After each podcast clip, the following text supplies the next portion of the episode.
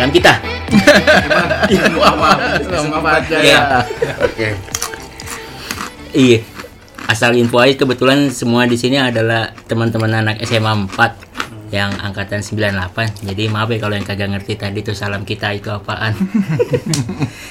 Tapi salam semuanya adalah Assalamualaikum warahmatullahi wabarakatuh. Waalaikumsalam warahmatullahi wabarakatuh. Berarti karena kita nongkrong studio, emang boleh musik-musik begini haram gak sih? Menurut Bang Masmu sama Mas Yo, ada kacang lo. Tapi gue bingung loh, benernya gini loh. Musik tuh haram kenapa sih? Ini ada, ini ada yang bilang musik tuh haram. Haramnya itu dari mana gue nggak nggak nggak tahu. Nih lu bawa bawa sekarang nih. Kalau gue sih haramnya kalau kagak enak. Kalau dangdut mah gue nikmatin banget. Nah terus itu kan kalau musik, ini kan studio kagak ada musik ya. Kenapa Ini juga? udah memfasilitasi. Kalau ada fasilitas berarti sudah menyediakan dosa ini. Nggak bisa, Bi. Kita aja sekalian.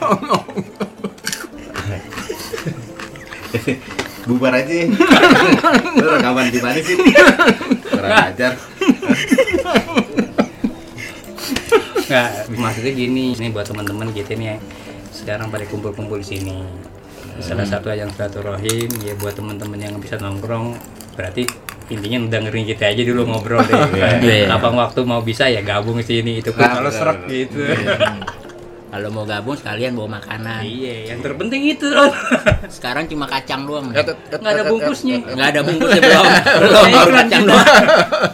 iya nah buat eh, abang-abang kakak-kakak nih kali mau perhatian nih gitu nggak lihat meja kosong boleh deh apa aja bebas Nah, jadi kita di sini sebenarnya aneka ragam. Dari peci aja ada yang nggak pakai peci, pakai topi, peci bulat, peci kotak. Insya Allah sih Islam sih Islam di sini nerima yang mana aja. Iya, betul betul. Di luar Islam juga diterima lima hari. Iya. Asal jangan nggak diterima bumi aja. Sian amat terima bumi. ya, Jadi lanjut. maksudnya Bang Anton gimana? Maksudnya tuh masalah musik bagaimana? Ani juga baru paham sih yang beginian. Ya, kita bicara orang awam aja nih. Bang Iya, Anton nih. orang awam. Selama ini kan Ani doyan bermain banget sama musik. Hmm, terus Terus tiba-tiba ada satu hal orang yang ngomong, lu dengerin apaan Ton? Gue lagi dengerin musik. Musik lu apaan? Suka-suka gue dong gue jawab musik gue apaan. Dia bilang, lu kok ngaji dengerin musik sih? Lu nggak tahu kalau musik itu kagak boleh. Dia masih bilang kagak boleh. Cuma gue bilang, ah lu pasti mau ngomong gue haram gitu. Tapi kalau gue sih simpel Bang Anton. Kalau gue ngelihat orang yang udah bertanya arahnya bakal ke situ, lu denger apa? Gue denger aja. Jadi nggak panjang lebar. gitu. Jadi sebenarnya jadi gimana menurut Mas Yo? Menurut Kang Mas Yo, Eh, ini ada bacain aja ya boleh. dikutip dari Ah curang lu nyontek.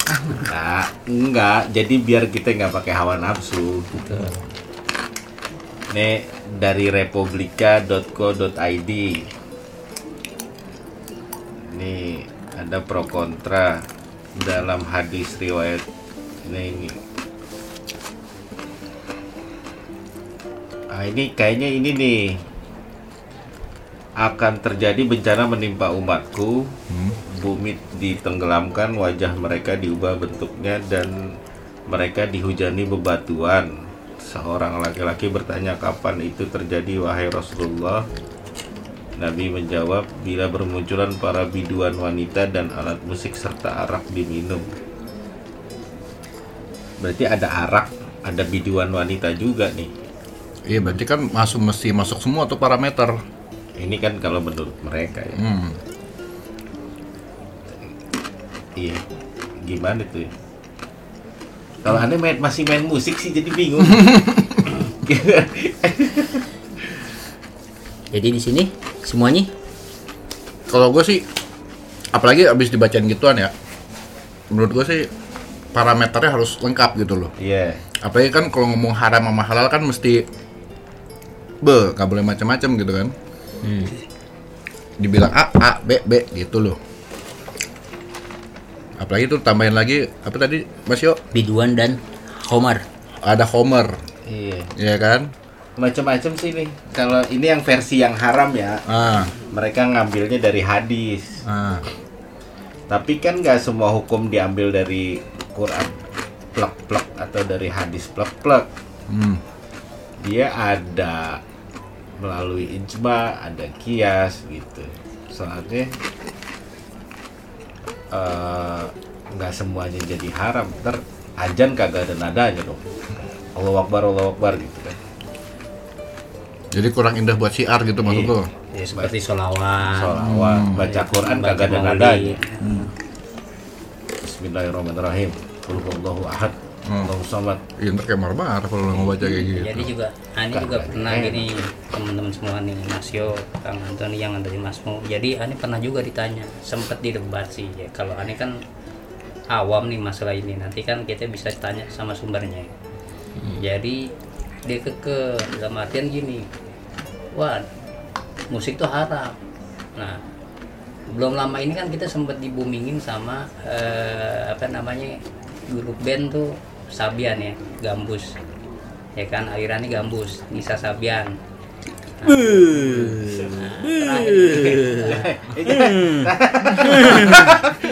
Nah, Jadikan aku yang Ah, kedua. gila. Oh, bukan, bukan yang bagian itu. Oh, bukan. Bukan situ. Oh. Jadi maksudnya gini, apa namanya eh, mereka tuh kan bisa langsung ngeklaim dengan parameter dia sendiri, dengan mungkin dengan pengetahuan yang, yang kita sama-sama awam, mereka tuh berpikir bahwa musik itu haram. Nah, sedangkan kalau kita gali lagi, mohon maaf, Nisa Sabian itu dengan beberapa lagunya booming sampai akhirnya kan eh, di YouTube tuh banyak orang-orang yang bereaksi terhadap lagu-lagu yang dibawain, khususnya Din Assalam. Nah, ketika mereka ngebuka lagu Din Assalam sampai eh, orang-orang Muslim pun banyak yang lihat nih mereaksi apa bereaksi gimana apa namanya walaupun mungkin di situ nggak ada ada sebagian yang udah ada teks artinya menurut agama apa menurut negara masing-masing ada juga yang enggak tetapi yang anehnya lagi nih kan ketika mereka nggak tahu artinya disampaikan lewat apa lewat musik dari musik itu mereka tertarik nih. Kenapa? Karena kok bisa nyampe nyentuh hatinya terus sampai gemeter badannya gitu kan. Nah ada apa nih? Apa sih maksud apa nama maksud lagu ini? Akhirnya kan dia mencari mencari mencari. Akhirnya secara nggak langsung itu kan ini ini lo Islam din assalam kan, agama yang selamat gitu kan. Nah akhirnya dari dari situlah banyak juga tuh apa namanya eh, info-info yang saya baca saya ngikutin juga kan banyak juga akhirnya yang jadi mualaf lantaran lagu-lagu seperti itu. Nah, nah kita balik lagi yang tadi bang Antoni bilang tuh apakah musik itu haram? Sedangkan mohon maaf mereka ini yang yang misalkan meng- mengklaim bahwa musik itu haram ya kan? Sedangkan dia mohon maaf dia sendiri kalau kita apa namanya kita tarik benang merahnya ada nggak jasa dia atau usaha dia untuk memualafkan seseorang. Nah, tetapi melalui musik itu, ya kan, akhirnya tanpa kita sadari melalui musik yang disampaikan dengan cara seperti itu dan dengan media yang sekarang udah media media sosial ya walaupun apa namanya asarannya YouTube tetapi bisa membuahkan seorang mualaf itu nah kira-kira kalau dari sudut pandang itu apakah masih dibilang musik itu haram? Kan kayak begitu Antoni kalau ada ngajinya mengkajinya kayak gitu. Oh, Nah, bukan Nisa Sabian nih. Bukan, kalau misalnya Sabian halalan thayyibah. Mubarakan kariman. Wasian bila ta'abin.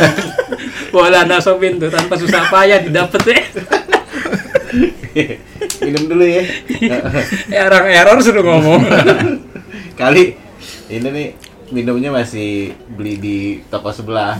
Masuk terus. Besok-besok. Ya Allah, mudah-mudahan ada yang menyumbang minuman. Kan gitu banget tuh nggak pakai Kalau ada yang mau nyumbang minuman di bulan puasa juga nggak apa-apa. Ane siap minum di bulan puasa itu minuman. Di bulan puasa ya, waktunya kan. Enggak, kita recording zuhur asar, tapi di launchingnya habis maghrib. Jadi nggak apa-apa. Karena di launchingnya habis maghrib. Jadi yang baru ada keretak hati, segeralah jangan ditunda-tunda niat baik.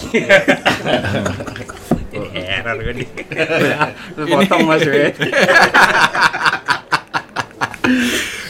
Tapi ini nih yang Nisa Sabian nih yang ini nih. Tuh langsung Eh, ntar ntar dilayangin dikit. Enggak, gua gua kalau gua nih Yo ya, ke- oh Mas Yo ya. Iya. Kalau gua datang ke konsernya dia, misalnya dia bikin konser nih, ya. Yang ada gua harus menundukkan mata gua. Kenapa itu? Cakep. Oh cakep. Iya kan? Kan kan boleh sahwat Eh, nah, sahwat atau nafsu gitu kan. Jadi ngapain pakai konser dong kalau gitu kan? Kalau laki-laki mesti nurunin pandangan juga. Iya juga sih. Iya kan? Sering kebayang juga. Potong ya, potong ya. Kan kita juga nggak mau tahu ntar jadi bahan bisa jadi bahan. enggak jadi emang harusnya kita tetap pakai syariat agama Iya, Ya. benar-benar. jadi di konser cewek nih anggap aja nih apa ya, eh, Nesa Sabian sebelah sini sebelah kiri ini jamaah ceweknya yang konser. Nah jadi ketika Nesa Sabian nyanyi Din Asalam ada cowok yang bergerak-gerak tuh seolah-olah sama kayak Nesa Sabian. Nah untuk jamaah cowoknya oh, insya Allah nggak cari saya soalnya ngikutin Nesa Sabian aja udah. Nggak mau apa bisa jadi juga. kayak gitu. itu dia makanya kita jangan terlalu saklek juga sih. Soalnya aneh kalau kita harus semuanya dipakein ke hukum awal jadinya nggak ngikutin zaman sih kalau menurut gue sih. Jadi Ani juga pernah ini apa namanya ada kutipan dari itu Ani kan senang tuh sama kata-kata apa nama salah satu tokoh sufi namanya Jalaluddin Rumi. Wih. Nah jadi di situ ada kalimat apa nih eh, musik yang haram adalah ketika berbunyinya suara piring dan sendok di rumah orang kaya ketika sampingnya itu kelaparan. Oh. Bahasanya kurang lebih kayak gitu. Biasa di luar Ani baru nyampe. Saya Jalaluddin Rumi itu bijak kayaknya. Iya. Bijak banget. Sementara banyak orang kelaparan, dia makan berisik gitu. Iya. Itu menurut Anda sih sarkasme sarkasme padahal juga piringnya nggak ada isinya man bikin keki sebelah aja Itu gue rasa tuh orang Betawi tuh. Oh, iya.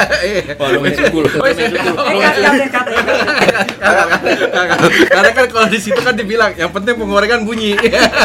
orang Betawi nggak pakai sendok. Oh, iya. Pakai tangan, kayak di sini. Sebenarnya sih ngambil bijaknya aja. Kalau kita harus terlalu kaku juga terlalu kencang-kencang ujungnya pada ngebom. tapi ada hikmahnya juga buatan aneh kang pasang CCTV jadi ketahuan tuh dari CCTV makin banyak orang yang masang CCTV masuk lagi Masuk, masuk, masuk, masuk, masuk, masuk, masuk, masuk, masuk, masuk, masuk, masuk, masuk, masuk, masuk lagi Tapi bukan aneh. Eh, pasang CCTV bisa hubungi ada ya. Oke. Oke. Tapi jangan lantaran gara-gara banyak CCTV aneh yang nyerupuk. Nggak Iya. juga ya Eh, CCTV penting. Iya. Jaga keamanan Jaga di rumah keamanan. kita. ya. biar Nggak ada yang kejamin. biar nggak ada yang ngebom tapi sebenarnya gini walaupun aneh masang CCTV buat teman-teman semua sebenarnya buat bikin rumah aman tuh sebenarnya kita nggak perlu CCTV Nah, Nah, Nah. nah ini gimana? Ini paradoks nih. Nah, tukang jualan CCTV tapi ini Islam ngajarin kita bersilaturahim. oh, Nah, benar. jadi makin kita ngebuka rumah kita bukan buat orang-orang, selama itu buat maslahat. Rumah kita tempat ngumpul, tempat nongkrong buat yang manfaat-manfaat. Banyak orang kumpul, maling juga ngeri. Nggak usah pakai pasang CCTV lagi. Itulah makanya Islam tuh silaturahim kurang lebih kayak gitu makannya gratis segala macem jadi selama makin banyak kita silaturahim contoh Habib Lutfi rumahnya ada nggak yang kira-kira ngejahatin orang juga ngeri ya kan karena Iya, ada mulu. setiap hari ada sepi. jamaah ada jamaah ada jamaah buat silaturahim nah salah satu itu jadi buat orang yang masang CCTV sebenarnya tuh ya ini cerita masalah ini ya Gue pengalaman Iya, CCTV. pengalaman. bukan berarti jualan ini Oh iya, iya. Iya, iya. jadi buat orang yang memang biasanya tuh rasa ketakutan untuk dunia ini tinggi Oh. Anxiety. Anxiety. Kecemasan. ketika ketika kita sebenarnya ya ini emang tetap ikhtiar mah tetap toh banyak juga orang masang CCTV kemarin kemaringan aja udah kan balik gitu. Tetapi ya balik lagi mudah-mudahan dengan info kayak gini ya kan sebenarnya makin banyak CCTV itu dipasang. Berarti kan secara nggak langsung eh, standarisasi keamanan di negara kita ini nggak aman. Oh. ya kan? Tetapi kalau misalkan kita ini silaturahimi baik, wabil wabil khusus antar umat beragama nih ya, wabil khusus internal Islam yang alirannya A ke B ya harus sih. Anggap aja kayak kita nih ngerokok nih, kita berempat ngerokok. Eh, ada merek lain-lain. Oh, Iya kan? kita berempat Warna ngerokok. kopi sama, merek rokok beda-beda. Iya. Tetapi ada yang marah-marah nggak, oh enggak, lu harus ngerokok kayak gue, enggak. Bahkan kalau gue kurang, gue ambil rokok lu daripada gue nggak ngerokok kan kayak gitu. benar Benar. Jadi gue enak tuh sebenarnya kayak gitu. Coba Luar Islam kayak biasa. gitu, biasa di luar. Mas. Biasa. Iya, emang masih diisep-isep kayaknya nih. Jadi nggak ada yang ngerokok nih. Gak bisa, makruh kalau di sini ngerokok. Betul ya. ada larangan dunia Larangan nih dari yang punya studio, yang punya studio dari mari. Ahlul bait yang punya tempat. Bilang boleh ngerokok, boleh ngerokok. Nah, ini bahaya juga karena studio ini nggak terbuka. Oh, bener. Jadi harus ada CCTV. Ya. Coba kalau terbuka buat orang. Nah, tapi kan tadi kan lu bilang kan bahwa sebenarnya orang-orang itu pakai CCTV itu lebih cenderung mereka was-was, kecemasan terhadap dunia tinggi. Coba kalau dibalik pandangannya, mun- kira-kira bisa kalau bilang kalau itu adalah bagian dari ikhtiar mereka untuk menjaga keamanan rumahnya mereka gitu sendiri gitu. Dalam artian gini, kalau maling nih mau ngeliat gitu kan sepi, tapi dilihat ada CCTV, dia jadi ciut gitu ya, nggak nggak jadi nggak jadi maling gitu. Nah itu bisa nggak dibilang sebagai ikhtiar? Karena kalau misalnya dibilang ketakutan terhadap dunia, kayaknya serem banget gitu loh. Ya sekarang gini, kalau misalkan kalau sudut pandang Anin sebagai orang awam, Hmm. anak titipan bukan, Titipan, harta titipan bukan, titipan. istri yang dua, yang tiga, yang empat titipan bukan. Oh iya. bukan. Nih, misalkan ada orang. Minggu depan. Ini enggak titipan bukan. Iya Nah, titipan. tapi sebenarnya masalah ikhtiar betul. Tapi kan yang aneh bilang efek ininya apa adanya banyak CCTV itu adalah karena apaan? apa tingkat kriminalitas kita tinggi. Oh. Nah, balik lagi kenapa? Sebenarnya solusinya itu bukan solusi kalau menurut tetapi balik lagi faktor di itu emang bukan solusi itu CCTV Iya, jadi maksudnya, man, gue lagi serius. Kalau enggak gue pulang. deh. Iya. Jarang-jarang ngomong di Enggak, jadi sebenarnya balik lagi sebenarnya. Hablum minanas kita perbaikin sama balik lagi ya sesungguhnya Rasulullah tuh diutus ke muka bumi untuk menyempurnakan akhlak. Kan ini intinya apa? Beresin akhlak kita semua. Toleransi sesama gitu kan, saling menghormat menghormati. Yang makanya kan di, di Indonesia ini kan terpecah belah kan ya walaupun dari internalnya juga ada gitu kan.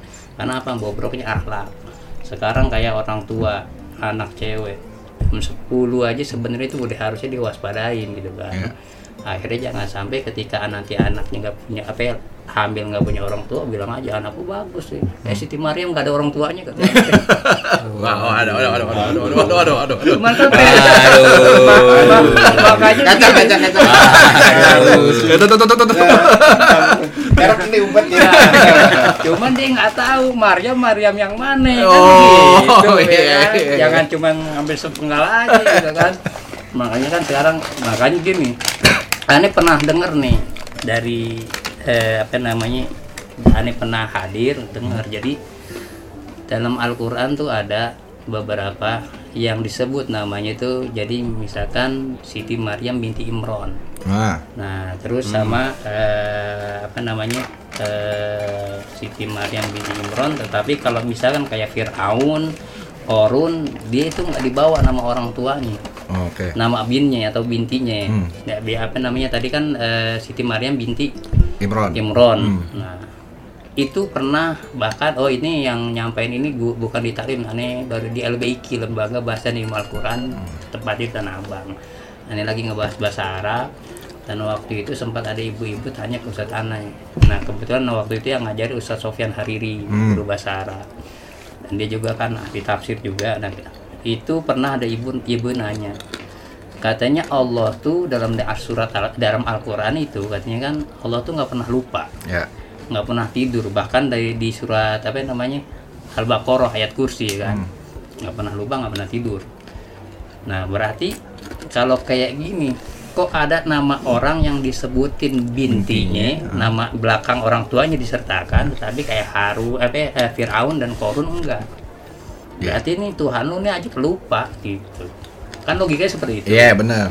Tetapi ya Ustaz Ani karena memang mungkin dia juga udah tahu tapi akhirnya ternyata jawabannya seperti ini Bu jangan terpengaruh sama eh, pertanyaan kayak gitu memang kalau kita nggak tahu dan belum pernah ngebahas ya kita bingung Hmm. Nah, jadi intinya intinya gimana? Jadi ternyata itu adalah tanda yang Allah tandai. Jadi Siti Maryam sama Fir'aun dan Korun.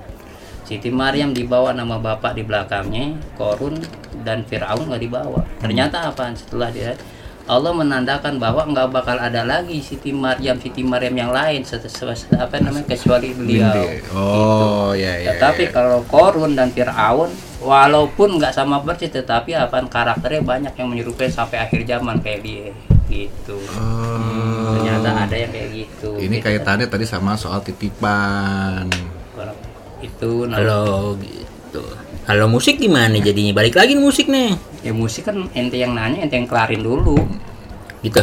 Hmm, kan kalau aneh tadi menurut aneh kan yang haram itu ya kalau menurut aneh gini kita kalau mau bijak kayak mas Yo bilang tadi jangan langsung mengklaim itu haram halal bidah sesat jadi kita lihat manfaatnya yang mana yang lebih besar misalkan kalau memang Nisa Sabian dengan dengan dakwahnya melalui jalur seperti itu ternyata manfaatnya banyak loh kenapa kita harus menyesatkan? Itu. Sedangkan kita sendiri belum tentu bisa memualafkan orang seperti beli apa ya seperti eh, apa namanya sih? Musik itu sendiri. musik itu sendiri atau eh, grup band itu sendiri gitu kan grup musik itu sendiri Tapi bisa jangan Nisa Sabian nggak wali kayak gitu wali. ya kan maksudnya kan yang kemarin sempat memang booming itu kan ini bukan bicarain Indonesia Sabian tetapi efek dari lagu itu ternyata apa dakwah nyampe bang Anton Islam kena Udah stop jangan. jangan. Mas Yo, nanti nih kalau mau dipublish kan dipromosin dulu di Twitter. Jangan lupa mention Nisa Sabian. Fans number one nih. Enggak. nah kalau. Anis sih alhamdulillah Kenal sama Nisa Sabian. bukan Anissa Nur Fitri Dewi IPA 2 Iya sih, emang lagunya enak. Maksudnya enggak eh, sebelum masuk ke eh, lagu-lagu yang kan musik itu asalnya dari mana? Kenapa di, bisa dibilang musik? Apa sih secara bahasa? M. Kayak warkop. Ya memang harus ada secara istilah dan lugohnya Iya, kita secara logo kita cari dulu ya. Apa sih yang dimaksud dengan musik? Gitu. Jadi nggak bukan M. Mendengarkan. Miing tuh miing. Kalau gue dulu dapat cerita, dapat cerita sih. Cuman nggak nggak nggak tahu keabsahannya. Ini sambil nunggu Mas Yo dapat Iya. sumber. Oh, udah dapat ya udah. Jadi Enggak, lanjut. Enggak, enggak, dulu. itu cerita-cerita sampingan enteng-enteng doang. Enggak apa-apa lanjut. Cepet berarti koneksinya. ya. Koneksi apa nih? Belum ada di sini. Ayo Mas Bu dulu ya mas mau lanjut aja. Nah, Heeh. kalau jadi gue dapat cerita, eh, kan kalau sumber apa sumber-sumber eh, cerita Islam kan dari Al-Qur'an, dari hadis. Nah, ini gue nggak tahu nih. Ini apa nih Kang Dayat yang apa cerita hikmah kali ya? Jadi mungkin dari ceritanya dari nab, dari Rasul nabi dari nabi tapi dia nggak nggak masuk ke hadis, nggak masuk ke Quran. Jatuhnya tareh kalau gitu kayak Iya, sejarah-sejarah sejarah. pengalaman Ah, jajar pengalaman ada. Jadi gue bacanya itu ceritanya dulu itu jadi kan Habil sama Kobil, ya kan anaknya Nabi Adam alaihissalam. Begitu sudah terjadi pembunuhan si Kobil. Kobil, kan Habil dia keluar dari perkampungannya Nabi Adam. yang Habil yang dibunuh Habil Kobil yang dibunuh. Dia kan pembunuh. Di pembunuhnya si Kobil. pembunuhnya si Kobil Pembunuhnya Kobil. Jadi Ah, gue lupa terlihat rekaman, gue lupa. Lihat rekaman. Nah, pokoknya si sang pembunuh nih, ya, gua maaf yang gua yang gue inget nama yang dari Injil. Si Cain dia keluar dari eh, perkampungannya Nabi Adam lah tempat mereka tinggal. Nah, mereka pilih tinggal tuh yang lebih ke eh, daerah eh, dataran rendah lah. Nah, di sinilah mereka karena si pembunuh ini udah ada keterkaitan sama iblis waktu itu, iblis lebih mudah masuk. Nah, katanya di situlah musik pertama kali diciptakan. Itu katanya ceritanya tuh tare, tapi makanya gue bilang nggak, gue nggak tahu keabsahan ceritanya dari mana. Ini ada ambil dari wiki aja ya. Iya. Wikipedia.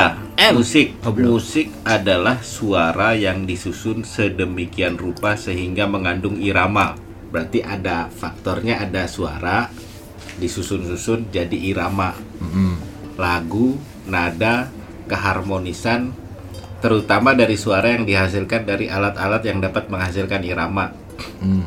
Contoh ada alat yang punya nada segala macam. Nah, ini kayak kayak kayak, kayak begini nih. Ya, kayak kayak gini nih, tuh ada suaranya, terus kalau digabungin jadi irama. Nah, ini walaupun musik adalah sejenis fenomena intuisi untuk mencipta, memperbaiki dan mempersembahkan salah suatu bentuk seni, mendengar musik adalah sejenis hiburan. Nah, sifatnya hiburan. Oke. Seni berarti keindahan ya kan. Musik adalah sebuah fenomena yang sangat unik yang bisa dihasilkan oleh beberapa alat musik. Itu secara bahasa ya maksudnya Definisi manusia definisi nih. musik menurut Wikipedia. Berarti ada faktor suara. Nah, berarti uh, alat indera yang nangkep musik itu telinga ya. Ah, Jadi musik bisa dinikmati sama telinga. Jadi orang-orang yang bisa denger doang yang tahu musik. Terus dia hiburan, seni, keindahan. Salahnya di mana? nah, Jangan Rasulullah senang sama keindahan. Iya. Jangankan Rasulullah, Allah juga senang akan Iya, keindahan. Allah juga yang nyiptain keindahan. Salahnya di mana? Kenapa mesti diharamin? Babi haram. Babi Itu juga kalau kepepet jadi boleh. ah. Tapi siapa? Boleh. boleh kalau Kalau ada makan- makanan lah. Iya. Nah, berarti ini nyangkut kemarin sempat aneh baik apa namanya nonton jabaran Ustadz Adi Hidayat. Mm-mm. Jadi ketika kita ngambil hukum jangan hukum dasarnya aja. Nah, Ya seperti dalam artian tadi babi hukum asalnya Haram. Nah, haram, tetapi dengan faktor dan kondisi tertentu bisa jadi diperbolehkan atau jadi halal ketika nggak, nggak halal. Bukan Ubah. halal. Diperbolehkan. di- Diboleh. diperbolehkan mubah jadinya kan sorry nah akhirnya kan yang jadi apa namanya eh, hukum dasarnya haram tetapi jadi diperbolehkan. Nah, ya kan? Nah tetapi ada juga yang halal secara apa namanya secara eh, Asal. zohirnya asalnya gitu kan. Misalkan sama deh kita nasi. Tetapi ketika kebanyakan akhirnya muntah itu kan jadi Haram. haram. haram juga gitu kan. Jadi kan karena apa ya apa namanya berlebihan. Jadi sama aja kan kayak Kayak nikah, kayak nikah dua kali kalau nggak bisa menghidupi dua, Halal, halal. dua orang istri. Antara halal sama haram. Halam, halam. kalau kayak gitu wow wow ada gitu kita harus panggil orang-orang yang udah dua tiga Eh, jangan sebut nama, nggak boleh sebut nama, nggak nggak boleh manggil. Eh, tolong eh, Ibu Fatma ya, ini suaminya. Yang ini nih. Love, love you bunda. Nah, tapi akhirnya jadi gini gak sih? Kalau misalnya eh, tiba-tiba musik dibilang haram, babin dari haram jadi halal. Eh, bisa nggak sih kita jadi bilang bahwa hukum it, hukum Islam itu fikih ya, fikih Islam itu semuanya tergantung situasi kondisi. Nah, begitu. Misalnya, ini misalnya satu orang bilang musik tuh haram. Kalau misalnya waktu dengerin musik malah menjauhkan gue dari Allah, misalnya gitu ya. Misalnya dengerin diskotik ya kan makin menjauh. Tapi kalau misalnya gue denger tuh musik malah gue pengen penasaran sama nih Islam apa dan akhirnya jadi mualaf, itu kan jadi bagus gitu kan. Gue juga nggak bilang itu halal, tapi ya jadi bagus, jadi salah satu metode siar. Tumben bener Mas Ismo. inilah kalau rokok sama tukar minyak sama wangi jadi wangi kan gitu. Iya. Nah, tapi kalau kayak begitu, eh, sejauh mana fleksibel hukum Islam gitu? Sejauh mana fleksibel hukum fikih? Karena jangan sampai nanti banyak orang bilang, ah ini kan bisa dong, gue gue terdesak, gue dipaksa sama perempuannya, jadi gue kawin gitu loh, lagi gitu kan? jadi kalau boleh Ntar dulu musik dulu. ya enggak maksudnya fleksibilitasnya gitu Oh, loh. iya. Fleksibilitas hukum Islam tuh di mana? Ente In- nyelipin lah. baby, ini karena gue nongkrong sama anak-anak ini ya. Nah, kalau aneh sih Mas Yoni semuanya teman-teman. Ya, Islam itu kan rahmatan lil alamin. Hmm. Berarti kan apa yang berlaku untuk seluruh alam, bukan buat orang Islam doang. Ya kan? Hmm.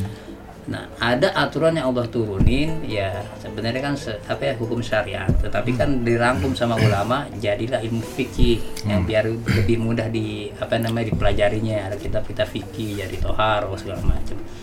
Nah, logikanya Allah juga ya pengetahuannya kan nggak terbatas, nggak mungkin juga ketika Islam itu saklek jadinya, Ah. karena kan kita ketika misalkan Al-Quran dari Taurat, Injil, Jabur sampai Al-Quran kalau nggak fleksibel nih nggak ada yang mau masuk Islam kayaknya logikanya ini kan kita bermain logika nih jadi Iya. maksudnya fleksibel itu berarti kan tetapi tetap dengan aturan-aturan hukum dasarnya tetap ada tetapi Iya. dengan kondisi dengan situasi tertentu ya eh, itulah fleksibelnya Islam Oh, gitu. paham, Contoh kayak begini, Rasulullah nih terlepas dari musik dulu nih, ini musik apa yang namanya eh, kita ini dulu ya.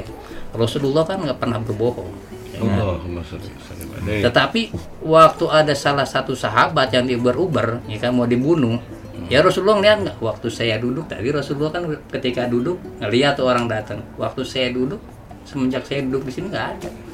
Karena ke- ketika dia bilang waktu saya duduk di sini, saya nggak lihat orang, tetapi kondisi Rasulullah udah berdiri, gitu. Hmm, Kalau misalkan saklek ada nih mati tuh orang berarti kan Rasulullah kan nggak rahmatan lil alamin. ya. Logika kan kayak gitu. Sama ketika Rasulullah bercanda, ada kan nenek-nenek masuk surga? Nggak ada.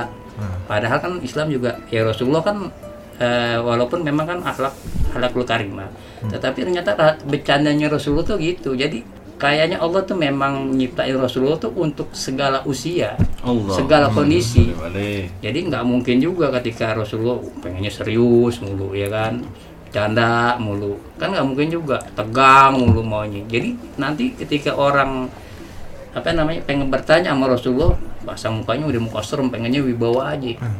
Atau misalkan mau bertanya tapi bercanda aja, gua mau menanya sama Rasul bercanda mulu. Kan nggak mungkin. Jadi itu Rasulullah juga fleksibel. Jadi dari sini fleksibel. Jadi oh ketika ngadepin apa namanya eh, sahabat-sahabat yang pertama nih generasi pertama Sayyidina Abu Bakar, Umar, Utsman Ali. Tegas. Karena apa? Kapasitasnya udah beda. Ya kan? Nah ketika tiba-tiba ada datang badu ya Rasulullah mana Muhammad Muhammad. Gitu kan? Ketika apa namanya tiba-tiba tuh orang Baduy kencing di masjid apa diomelin ya udah biarin nggak usah gitu kan. Yang seperti yang kemarin Aneser juga tuh Ya. dari apa namanya Gus Muafik Ya. ya kan. Karena apa? Ini orang bodoh tetapi dia cinta. Dia nggak pernah tahu saya tetapi dia cinta sama apa sama saya gitu kan. Gimana saya memperlakukan nih kalau dia cinta tetapi saya balik marah-marahin dia. Kan gitu. Jadi kapasitas Rasulullah tuh menyesuaikan ketika ya kayak Sayyidina Ali. Dalam apa namanya menurut yang disampaikan sama Gus Muafik tuh ketika dites ya Rasulullah gimana sih cara sholat yang khusyuk? Ya udah kamu sholat yang khusyuk. Nanti saya kasih selendang atau sorban saya nih yang hijau apa yang eh, apa yang merah. Ketika Assalamualaikum warahmatullahi wabarakatuh. Saya yang minta yang hijau ya Rasulullah. Berarti nggak khusyuk. Ulang lagi. Ulang ulang terus. Sampai pada akhirnya kehusuan itu menyebabkan saking husunya nih tingkatan Sayyidina Ali. Ketika dipanah mau dicabut dia sholat dulu saking husunya coba kalau tingkatan yang di bawah kan nggak bakal bisa kayak gitu. Iya. jadi apa ya Rasulullah ya kapasitas. Jadi kan ibadah juga sesuai kapasitas. Dalam artian nih kalau kita ya kapasitas ilmu kita kayak gini yang penting kan kalau menurut saya pribadi yang penting apa tolabul ilmi aja terus. Jadi dalam artian tuntut ilmu aja terus. Jadi kapasitas di mana nanti Allah juga paham kemampuan kita di mana yang penting sebisa mungkin biar ibadah kita diterima. Ya, karena syarat wajib apa syarat sahnya diterima ibadah itu kan nggak semuanya amal amal apa namanya amal baik itu termasuk amal soleh. Yang terba apa amal baik yang bisa di, dikategorikan amal soleh yaitu satu ketika niat ikhlas lillahi taala. Yang kedua eh, apa namanya? Au. apa nih? ya, yang pertama ikhlas lillahi taala yang kedua tahu ilmunya Hmm.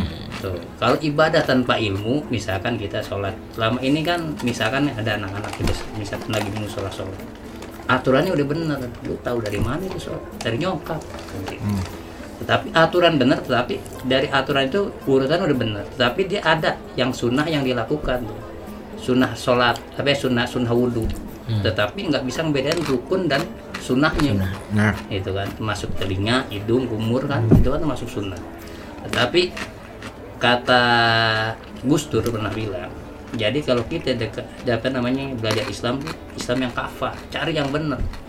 Jangan sampai cuman kata bapak gue. Kata ini tetapi apa? Oh yang ini sunnah yang ini nah itu jangan taklid taklid buta. Jadi kita mencari mencari oh ini lu yang sunnah. Jadi ketika suatu saat kita lagi di mall musola kecil sholat maghrib nih waktu mepet nah semua orang sunahnya misalkan dipakai kan agak lama tuh nah Ya. makanya kalau orang yang paham ketika kita ngantri waktu mepet yang sunahnya kita tinggalin bukan berarti kita nggak mau cari pahala sunnah menghargai orang biar waktu maghribnya cukup cukup ke uber begitu tapi kan Jadi kalau nggak Beribadah dengan cerdas. Ah, ah, gitu. Nggak, nggak cuma ikut-ikutan. Ini udah belum musik nih, gue mau nanya nih. Kalau Ini juga kayaknya yang haram-haramin musik ikut-ikutan doang kayaknya. Jadi nggak cerdas ini. Hmm? Jadi musik balik lagi ke pendapatnya Masmu ya. apa itu? Tergantung Udah kondisi. lupa lagi gue. Enggak, kalau pendapat sih urusan masing-masing deh mereka punya Pendapat. punya latar belakang keilmuan punya guru masing-masing. Cuman kan Kalau kami yang yang nggak enaknya nih kita ini dijustifikasi apa di mereka ngejajing kita nuduh Wah. kita tuh sesat nuduh ini eh ntar dulu Ya, ya, ya, ya, ya. Bilang emang situ aja yang kenal Islam gitu maksudnya Benar, ada benar. juga Islam Hmm. cuman aneh memilih Islam yang menikmati keindahan Heeh. Tuh. apa salah Nah, ente juga pasti kita kita juga pasti milih istri yang indah-indah kan nggak mungkin Iya. sesuai sesuai inian kita kembali ke istri. nggak jadi gini kalau menurut ane sih mas Yo kebanyakan orang kalau menurut anda ya mungkin salah satu perdebatan yang ada nih kebanyakan orang tuh lebih mengunggulkan nyari ilmu tetapi tanpa diiringkan dengan akhlak iya Contoh kayak gini. Iya, iya, iya. Jadi kalau kita pengen ya yang aneh tahu kalau kita mau berguru apalagi tentang guru agama satu menurut saya sih sarannya itu yang bersana nyampe nggak nih guru-guru ini ke Rasulullah? Yang kedua eh, jangan satu guru. Ketika guru ini melengseng nah, jadi kita taklid buta. Karena apa? Ada apa namanya istilah kalau santri sami'na wa ta'na terhadap guru ya kan? Dengarkan dan patuhin. Nah tetapi ada juga yang kedua nih. Kita boleh taat tapi hormat lebih dulu nah jadi kita hormat nih sama guru tetapi ketika guru ini oh, kok kayaknya berbeda pendapatnya sama guru saya yang satunya nih Hmm. walaupun akhirnya kita oh ternyata guru ini lama kelamaan nggak pasti hormat tetap hormat oh Ya. biar gimana karena Iya. satu Ya. ayat udah nyampe ke kita Ya. benar hormat tetapi kalau untuk taat ntar dulu Hmm. gitu iya Nah, itu satu. Yang kedua, tolong buat teman-teman ketika kita mau taklim, nambah ilmu, nambah wawasan, insya Allah sih apa manfaatnya buat kita juga. Anggap aja kita punya gelas nih, ya kan? Gelas kita biasa kita minum kopi, Masmu minum teh, susu, ya kan, sama Susu. madu, brandy Oh, bukan Haram. haram oh iya. Nah, jadi- yang 0% Ada. Jadi jadi ketika gelas ini saya biasa minum kopi. Saya mau masuk ke Masmu nih.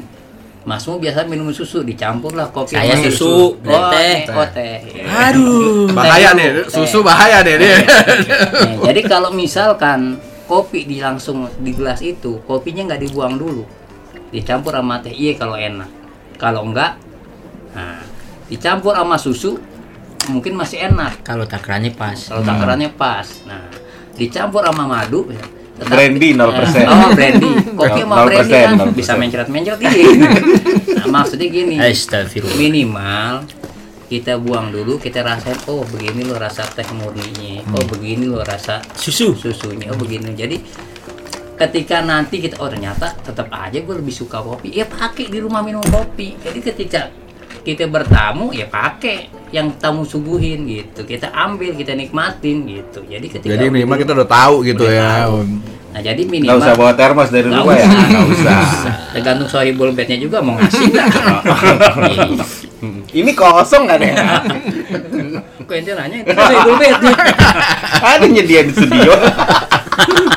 Jadi gitu juga sih kalau jadi kebanyakan satu orang tuh udah mengklaim satu guru wawasan berkurang padahal ilmu agama ya mohon maaf ya itu banyak rujukan-rujukan yang kayak sekarang-sekarang nih kan Ustadz Hadi Hidayat Ustadz Abdul Somad Mas Allah semua sama satu lagi apa namanya Gus Baha Gus Baha, Gus Muafiq semuanya jadi ya beliau lebih tahu. Ya kita juga misalkan apa namanya nggak ada salahnya juga walaupun memang sekarang kan media udah banyak. Ya lihat insya Allah kita pelajarin mana yang kira-kira ini. Ya jangan sesekali asal menyesat, menyesatkan kan kayak gitu. Yang banyak tuh. akhirnya kan internal kita. Jadi kalau kita saling salah nyalahin terus ya kan kita repot. Anggap aja kita kayak nongkrong begini yang saya bilang tadi. Anggap aja kita nongkrong dengan apa namanya berbagai merek rokok yang berbeda Ya, jadi ketika kita nggak ada kita bisa bantu betul. kita Bantu bisa ngabisin. ngasih iya, gitu kan berarti kan nggak ada masalah juga. Nggak ada. Bantu ngabisin. Ngabisin rokok temen nggak apa-apa. Kalau ngabisin rokok temen nggak apa-apa. Jadi sementara gitu ya untuk musik ya. Nah, Iya, udah belum? Udah, paham. Ini yang gue mau tanyain nih. Kang, menyambut bulan puasa, Nah, Nah, ya kan? cakep masak air iya. Menyambut bulan puasa. Tadi lo tuh ada ngomong menarik buat gua. Cuman jangan ditarik-tarik ke ini ya, yang lain dulu. Dari pandangan gua, kan kalau bulan puasa kita minum batal Iya. puasanya. tapi kagak haram. tapi kagak haram ya udah nah tetapi kalau wudhu itu ada kumur-kumur gitu kan kumur-kumur Wallah kita kagak tahu apa waktu di mulut airnya masuk ke dalam apa kagak lagi kita kagak tahu tapi kan Oke. untuk berjaga-jaga Air air keran apa air susu? kalau ngomong susu yang berhak di susu itu brandy Kalau persen jangan lupa. Iya, jangan- Kalau persen. Nggak haram. Brandy jangan jajing susu Ya kan? nah. Kan kita nggak kan kita kalau Mahmud teh Telia. Nah, untuk berjaga-jaga, kagak kumur-kumur nih. Lihat saya waktu bulan puasa nih gue kagak kumur-kumur. Jadi kan ente bilang kan, Kang Dayat bilang itu sunnah. Artinya kalau misalnya gue bulan puasa gue wudhu nggak kumur-kumur, terima gak itu gue wudhu gue? Jadi yang namanya rukun tuh jadi kalau sunnah tuh wudhu itu tetap sah Hmm. tapi kalau misalkan yang rukunnya Flat. nggak kita pakai nah, itu baru nggak sah Oh, oke. Nah, boleh nggak gue bilang nih tadi kita kan ngomong kan haram apa halal nih ya? Ada kameranya di sini. sengaja kalau udah mantul lagi topi deh, topi dah. Lanjut. kelihatan di sini. Nah, kan tadi kan dibilang kan hukum Islam itu fikih itu fleksibel. Iya. Yang kadang-kadang halal jadi haram, dari halal jadi halam. Eh jadi halam tuh kan. Haram Ada Mbah Dukun. halam. Sedang jampe-jampe. nah, bisa kan nih? Kalau bisa gue bilang gitu ya, bahwa sunnah kumur-kumur di bulan puasa jadi haram. Karena bisa menyebabkan batalnya puasa karena bisa ketelan. kalau berubah hukum dasar kita nggak bisa Nggak bisa. Nah, Nah, kecuali dengan dengan kondisi jadi contoh nih ini juga ada pelajaran dari kalau ini kan eh, ya bukan berarti ngomong masalah poligami bukan ya. Poligami lagi. Nah, jadi ada film tuh, aneh pernah cerita kalau nggak salah Mas Yo. Itu ada film kalau nggak salah ketika cinta bertasbih. Tetapi yang aneh kutip dari kamar kalimat itu jadi Bagus tuh eh, film itu emang. Apa namanya kan eh, poligami dibolehkan, Hmm. ya kan sama apa yang syariat Islam. Nah, tetapi ketika dia mau nikah nih, sang istri bilang, saya mau nerima apa namanya sebagai suami saya, tetapi saya nggak suka di poligami. Jadi bukan dia mengharamkan poligami, tetapi ini intinya apaan? Ijab kabul di awal nih biar sama-sama ke depan itu jangan ada kesalahpahaman. Sama kayak gini. Jengkol boleh nggak kita makan jengkol? Kagak boleh, boleh tapi dong. makruh kan? Nah, Nah, karena- tapi saya nggak suka jengkol, dosa nggak saya? Enggak kan? Nah. Nah, jadi istrinya tuh meng, meng- apa namanya, memberikan masukan, lu kalau suka sama gue, boleh gitu saya mau nikah sama kamu nih Hmm. tetapi jangan berpoligami selama lu nikah sama gue Oke. tapi di, di- di apa namanya di kalimat itu bukan berarti saya melah, apa, melanggar syariat atau menentang syariat Allah. Oh, nggak terima Gitu. Quran. Wah, Ah, gitu ibaratnya Jadi gitu. berarti dia tetap poligami tetap saya setuju. Itu Hmm. aturan Allah. Saya nggak nggak apa namanya nggak menyalahkan aturan Allah. Ah. Tapi kalau lo mau nikah sama gue jangan poligami. Oh. Ini kan kumur-kumur. Nah, berarti tuh poligami kumur-kumur? gitu. Jadi maksudnya maksudnya ngerubah hukum dasarnya. Jadi terkadang gini. Hmm. Kita ini nggak bersepakat di awal. Ah, apalagi yang tadi jadi kesepakatan awal tuh apa pun ijab kabul jadi ketika suami istri nyatu juga nih jadi apa namanya ketika kesepakatan udah jadi bisa deh kuat gitu ya ya ya ya ya ya. ya. Jadi tidak sepakat untuk sepakat. iya betul Hmm. Jadi ibaratnya ka- kalau dalam hal ini gua adalah karena kehati-hatian gue, gua nggak berkumur-kumur selama bulan puasa. Selama berpuasa, gua nggak berkumur-kumur gitu Iya, kan. Tapi itu tidak membatalkan membatalkan eh, apa eh, wudhu gua semuanya. Itu ada ambil Mas Mo. Hmm. Kalau nggak ada urusan ketemu orang. Nah, nah ini apa kalau Ma- ma- masih di wilayah puasa Oh, tentang poligami. tentang seru ya Ketemu orang bawa istri satu istri dua. Iya, enggak Salah. ini puasa dulu Oh, puasa masalah uh, masukin sesuatu ke dalam mulut kita yang dikhawatirkan membatalkan puasa. Ah. Ada ngejalanin sikat gigi. Ah, Kalau emang di bulan Ramadan itu kita harus ketemu orang oh. dengan niat di hati, maksudnya enggak bikin dia ke- kena bau napas kita. Iya, iya. maksudnya Ganti jangan bau wangi. nafas Iya, kita. aroma nafas kita yang eh, sebenarnya sih sah-sah aja maksudnya eh, eh, itu juga ada kan apa yang bau mulut orang berpuasa lebih harum dari kesturi ya. Hmm. Itu kan secara keimanan buat orang yang yakin. Ya. Eh kalau dia Gak yakin sama. di di boro-boro dia bukan seiman sama kita kan Hmm. nggak kita harus paksain nyium aroma nafas kita gitu. Oh.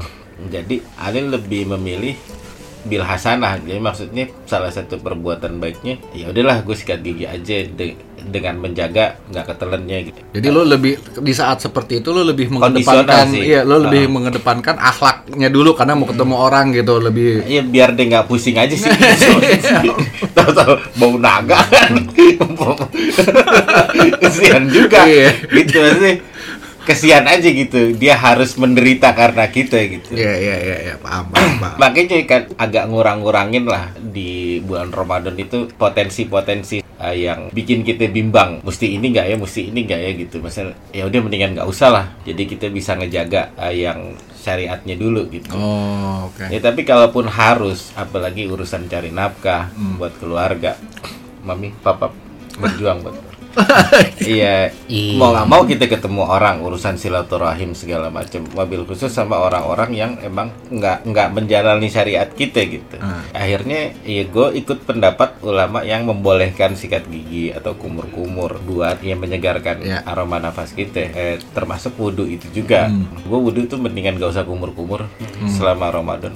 Ya kan lu untuk ke kehati-hatian Ah, aja kan. Khusus bulan Ramadan ya, Iya, iya. ngurangin eh, wewangian karena emang sunnahnya selama Ramadan kita nggak perlu pakai parfum sama kumur-kumur di saat wudhu itu aja. Selebihnya karena kita muamalah sih, paling nggak sikat gigi itu yang lumayan. Itu, itu pun juga kalau misalnya hari itu ada jadwal ketemu Iya. orang gitu kan. Sebenarnya sih bisa disiasatin di abis sahur tuh. Cuman kadang-kadang kita abis subuh ngantuk, tapi bangun-bangun bau naga lagi gitu Iya. kan. Ya mau nggak mau gigi kira-kira gitu. Nah, ini karena ngomong-ngomong bulan puasa nih ya. Apa sih kebiasaan lu pada di bulan puasa? Yang siapa tahu kira-kira bisa bermanfaat buat orang lain kalau jalan puasa. Kayak lu misalnya kan ada siapa gue dengar tuh rata-rata orang suatu suku tertentu misalnya gitu ya. Setiap bulan puasa dia tutup tuh dagangannya. Supaya dia untuk eh, fokus ibadah. Jadi dia 11 bulan tuh dia dagang, tapi pas bulan itu dia tutup Itu. fokus ibadah. Nah, ada nggak kebiasaan-kebiasaan yang biasa lu jalankan di bulan puasa yang kira-kira bisa menambah kira ya pahala-pahala bulan puasa deh? Iya, aneh makan tiap sebelum subuh. Kebiasaan begitu ya. Sama habis beduk maghrib. itu kebiasaan yang di Yang bulan susah lain. ditinggalin. Ah, ah, ah. Enggak. Itu aja sih. Nih kakak, gue gue mau nanya nih kakak, kakak nih. Nih tadi doi ngomong makan sebelum, Sebelum subuh, Iya. sama abis beduk maghrib. Hmm. Nah, ini belum puasa nih. Hmm. Buka puasa hitungannya di mana? Di ajan apa di beduk? Karena nih ya, pengalaman aneh nih, bertahun-tahun orang lagi naik motor, eh kita kan juga mau jalan pulang gitu ya. Dengar beduk, baru mending beduk ya, masih pinggiran tuh, tak tak tak tak tak tak tak tak tak, langsung. Geser motor, glok glok glok. Nah, menurut pendapat Islam kebanyakan, fikih Islam kebanyakan, di mana tuh buka puasa? Yang enak di rumah sih. Enaknya sih pakai manis-manis. Iya. Iya, benar tuh, benar benar. Iya. Iya, kadang-kadang udah nafsu. Baru boleh- iklan yang- nggak boleh itu minum apa buka puasa di tengah jalan oh iya, tabrak. ya sebenarnya sih aneh pernah dapat eh, apa namanya keterangan dari guru jadi beduk itu sebenarnya udah masuk waktu Hmm. cuman kan memang apa namanya ya dari tarikh ini sejarah-sejarah orang-orang dulu gitu. Itu kan untuk mempercantik panggilan tuh sebenarnya tradisi. Mm-mm. jadi setelah dibuka sama itu baru azan. Tetapi pat- ketika beduk pukul pertama itu tuh udah masuk udah masuk waktu. Oh, desa. desa. Ditambah ini gitu. Jadi jadi bukan berarti jadi kita eh, karena dulu kan inian Jawa tuh kan banyak Hmm. tarik-tarik sejarah Jawa yang kemarin kita ngobrol kayak misalkan mohon maaf ada sebagian teman-teman yang mohon maaf lah yang dibilang oh itu bid'ah tuh kalau orang nikah pakai janur gitu Hmm. kan Kemarin kemarin aneh nggak ada lagi ke Singapura. Nah, iya. jadi Ada apa? eh, Ya, ya- saya ngurusin negara lah. Jadi ternyata kita perlu juga nih kita telusurin tarikhnya tuh gimana, sejarahnya gimana. Jadi ketika orang nikah tuh ada janur. Ternyata apa janur itu simbol. Ja'a tuh dari bahasa Arab ja'a nur. Jadi ja'a tuh datang, nur itu cahaya. Cahaya siapa? Rasulullah yang dimaksud. Allah. Jadi ketika di rumah itu dipasang janur, orang-orang dulu berharap ja'a nur, ada datang cahaya Rasulullah ke rumah itu karena di rumah itu sedang menjalankan sunnah Rasulullah nikah ya kan. Jadi ber- dengan berharap datangnya dengan tanda itu oh datanglah cahaya Rasulullah tuh ke rumah itu berharap dapatlah keluarga baru itu keluarga yang sakinah mawaddah warahmah Amin. kayak begitu. Tetapi kan kita asal nih nah padahal orang dulu tuh sampai segitunya berharap ya kan cahaya Rasulullah masuk ke rumah itu. Tiba-tiba dengan tujuan kayak gitu ada sebagian orang yang bilang oh inilah sesuai kan jadi janur. gitu. Tetapi kan kita perlu kita gali juga. Gitu kayak gapu gapura ternyata kan dari gofuro ampunan gitu kan. Nah, termasuk beduk tuh panggilan. Jadi ketika duk itu sebenarnya udah masuk waktu tetapi intinya tuh apa sih kalau kata kita ya jatuhnya ke musik panggilan yang lebih biar Oh, lebih enak aja lebih gitu, gitu ya. Ini, tapi tetap syariatnya tetap ada tapi ketika beduk itu dipukul itu udah masuk waktu maghrib Iya. gitu jadi sak membuka warung pun baru eh di Iya. pinggirnya Paham, Mbak. Berarti sebenarnya tadi pertanyaan gue itu logikanya kebalik. Bukan gara-gara beduk sama ajan, tetapi waktunya udah masuk. Udah masuk. Udah masuk. Nggak ada ajan, nggak ada beduk ya lu buka Asal- puasa waktunya udah masuk ya lu buka puasa. matahari udah boleh batalin. Iya. Kan kayak gitu kan ngurangin sekarang ini. kan logikanya begini aja nggak mungkin tuh beduk dipukul kalau misalkan kita ajan misalkan masuk waktu maghrib jam jam 6 Ah. kita pukul setengah enam orang pada komplain nggak Sambit merebut loh, sambit merebut. lu ngapain pukul beduk gitu Latihan. Persiapan takbir keliling. Jangan sekarang. Bang, kemarin udah buka puasa, belum lagi latihan dulu ngetes, cek sound, cek sound. kayak gitu berarti itu masuk Ya itu itu sebenarnya eh, informasi itu sangat ini sih, sangat apa namanya, sangat eh, mencerahkan gue karena beberapa tahun belakangan ini perdebatan mengenai buka puasa itu di beduk apa di ajan tuh selalu keluar deh. sama kayak telur sama ayam ya gitu Iya, bu- so, kan ibaratnya gini, kalau di Indonesia nih ya, kalau mau dekat pemilu ngomonginnya PKI. Kalau udah mau dekat eh, apa Puasa. eh, puasa ini nih kayak gini-gini nih. Iya, terawih 11. Terawih 11 23 23. ribut. Udah gitu kalau mau deket-deket hari raya agama lain, bom-boman mulai, ya kan? Nah, kalau yang ini nih udah buat tiga tiga empat tahun deh sibuk mulu tuh ngomongin. Jadi buka puasa di mana nih? Dia Jadi beduk apa di ajan? memang yang tadi Mas Bung tanya kebiasaan di bulan puasa apa sih? Hmm. Kalau aneh pribadi sih gini, kadang ada kegiatan-kegiatan yang kita lakukan setelah kita misalkan habis sholat maghrib nih, Hmm. kita buka, kadang ada acara buka bersama, Hmm. atau kita ada kegiatan di luar yang misalkan, oh pas bulan Ramadan kita kebetulan kesempatan jadi nafkahnya misalkan ya Jualan orang-orang terawih kita dagang peci misalkan gitu kan. Hmm. Nah, jadi kita ngakalinya kalau sebisa mungkin terkadang jangan ya bener terawih itu eh, apa namanya hukumnya sunnah. Terlepas dari yang 11 atau 23 kalau kita pakai 23 misalkan kita eh, ketinggalan nih terawih. 23 nggak kuat badan udah lelah nih. Laksanain 11 bahkan mohon maaf aneh pernah ngelaksanain 7 tujuh rokaat ya terlepas dari mereka ini sepaham sama ada yang enggak. Ah, kalau aneh berpikir saya minimal tuh saya bukan masalah kasar gini deh. Bukan masalah pahala yang gue cari. minimal gue ngehargain bulan Ramadan nih ketimbang nggak terawih sama sekali. Ya. Jadi, ya minimal oh kita capek ya. Insya Allah Allah juga tahu gitu. Badan kita penting itu dapet terawihnya ketimbang kita ketinggalan sama sekali. Tapi ingat ya, yang ngomong udah pakai ilmu.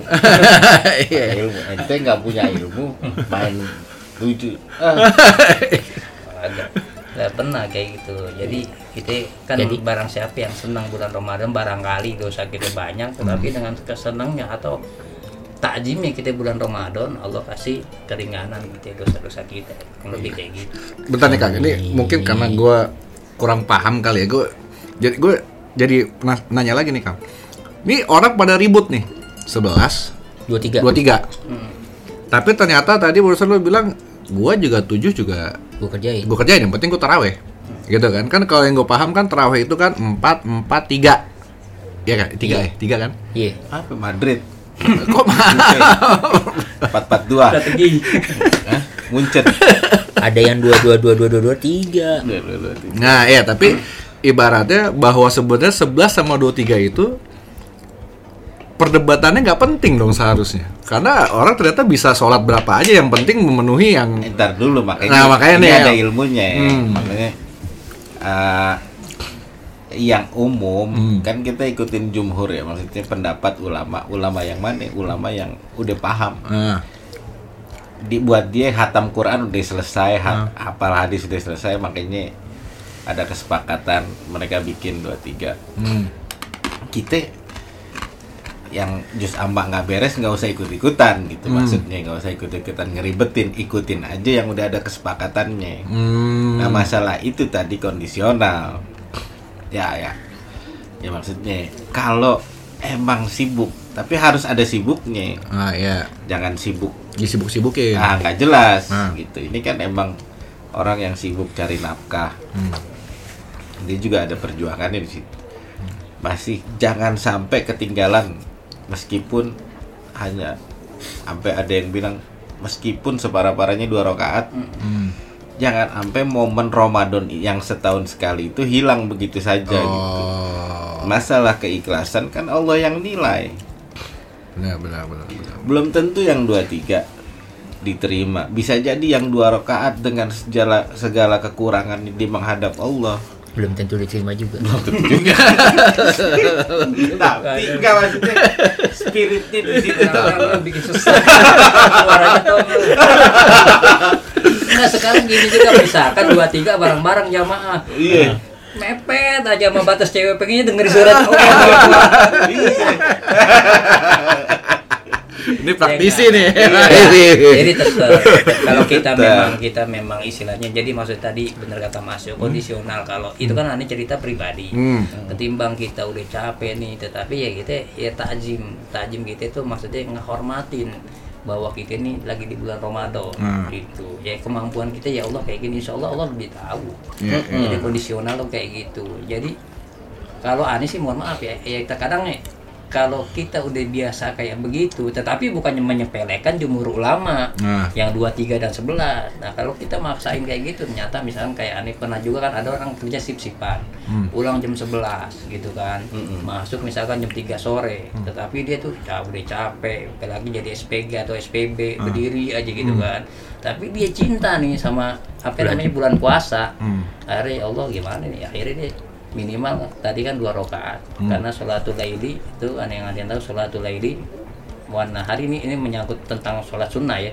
Sholatul laili wan nahari itu masna masna jadi sholat sunnah tuh baik di, di malam hari dan di siang hari. Sebaiknya itu tuh dua rakaat salam dua rakaat salam. Oh. itu ada yang berpendapat seperti itu. Hmm.